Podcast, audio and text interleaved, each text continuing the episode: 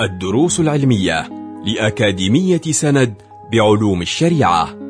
المرحلة الأولى شرح ميسر لمجموعة من المتون المختصرة تفيد المتلقي في دنياه وآخرته.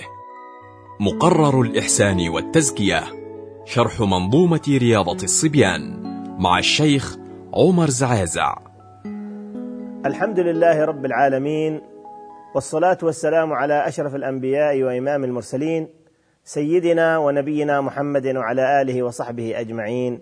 أما بعد يواصل الناظم الرملي رحمه الله تعالى في منظومته رياضة الصبيان بيان ما يل ما يلزم الولي وما يلزم المربي والمعلم تجاه الأبناء من تحذيرهم من بعض الأفعال والعادات القبيحة. فمحور درسنا تحذير الصبي من عادات قبيحة. قال رضي الله عنه قال الناظم رحمه الله تعالى يحذروه غاية التحذير من الكذب والفحش والفجور وسرقة والأكل للحرام فإنه من موجب من موجب الآثام. وهذه الأمور من آكد وأهم المهمات على المربين تجاه الأبناء والناشئين. من أهم المهمات ومن آكد الواجبات قال يحذروه أي قبل أن يقع في الخطأ التحذير قبل أن يقع في الخطأ. فالوقاية خير من العلاج. يحذروه غاية التحذير. ليس مجرد تحذيرا بسيطا بكلام مختصر يسير مقتضب بل يبالغ في التحذير يبالغ في التخويف يبالغ في النهي عن هذه المخالفات وعن هذه السيئات. يحذروه غاية التحذير من الكذب. وسبق في الدرس الماضي بيان ضرورة التحذير من صفة الكذب. من الكذب قال العلماء ومن أهم الأشياء التي تعين المربي على تحذير المتعلمين من الكذب ومن سائر القبائح من وسائل تقبيح الكذب أن لا نكذب نحن عليهم على الأبناء ولا نكذب على أحد من أهل البيت ومن نعاشره. وهذا من من من من أهم الوسائل. فإذا رأى منا نحن الصدق في أقوالنا كان ذلك معينا له ومساعدا له على ألا يكذب على أحد أبدا. يحذره غاية التحذير من الكذب والفحش. ما هو الفحش؟ الفحش قال ما جاوز الحد ما عظم قبحه من الأفعال والأقوال. ما عظم ما اشتد قبحه من الأقوال كالسب والشتم واللعن وما شابه ذلك.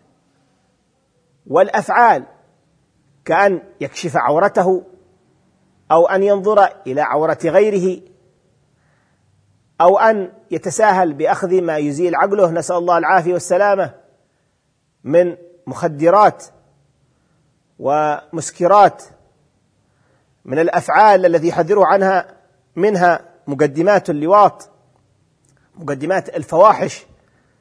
كل هذه الأفعال يحذروه غاية التحذير من الفحش. قال الله سبحانه وتعالى ولا تقربوا الفواحش ما ظهر منها وما بطن. يحذروه من الفحش.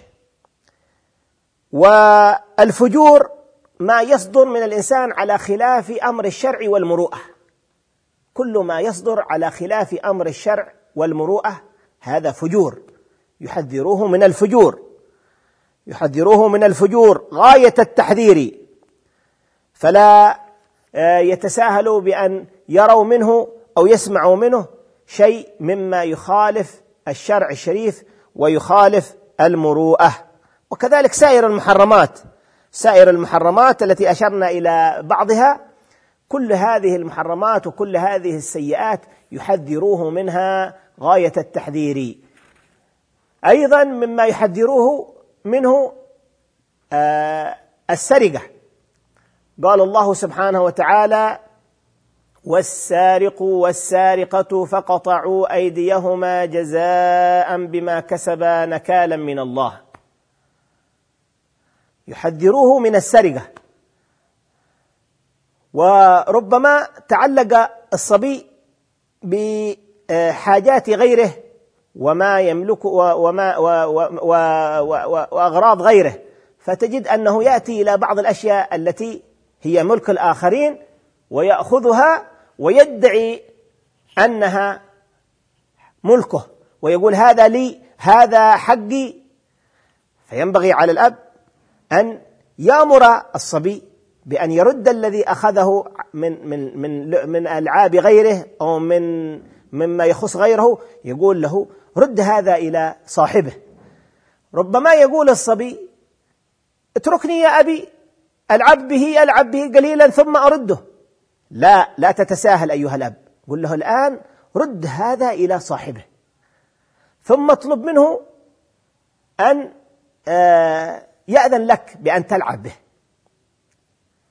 ومهما حسنت نيتك أيها الوالد وأيها المربي فإنك لا تخف من ما يتوهمه بعض الآباء من حصول الوحشة وحصول الكراهية في قلب الصبي عليك. مهما كانت نيتك حسنة في تقويمه في تربيته في تهذيبه فلا تخف. أنت تتعامل معه الآن بمقتضى الشرع لا بتشف ولا بهوى ولا بقسوة إنما بتربية. فلا آه، تستسلم لهذا الوهم أو هذا الخاطر أنك أنك ربما بهذه المعاملة توقعه في كراهية لك وفي بغض لك وفي نفور عنك.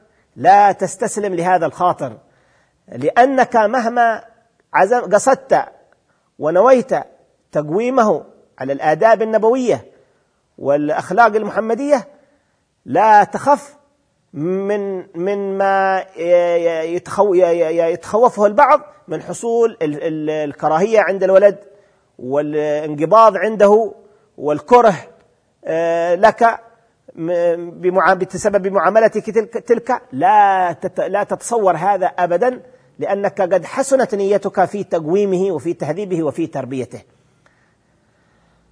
وكذلك تنبهه أنه لا يتساهل ولو بأخذ اليسير أو بأخذ القليل من ملك غيره. فربما يذهب الولد إلى مكان مع أبيه لشراء حاجة أو شيء من من المطعومات أو من المأكولات آه، أو شيء من مثلا يذهب بعض الناس يأخذ شيء من من الفواكه أو الخضار ويعني يتساهل بأخذ آه، شيء قبل أن يشتري وأن يأخذ.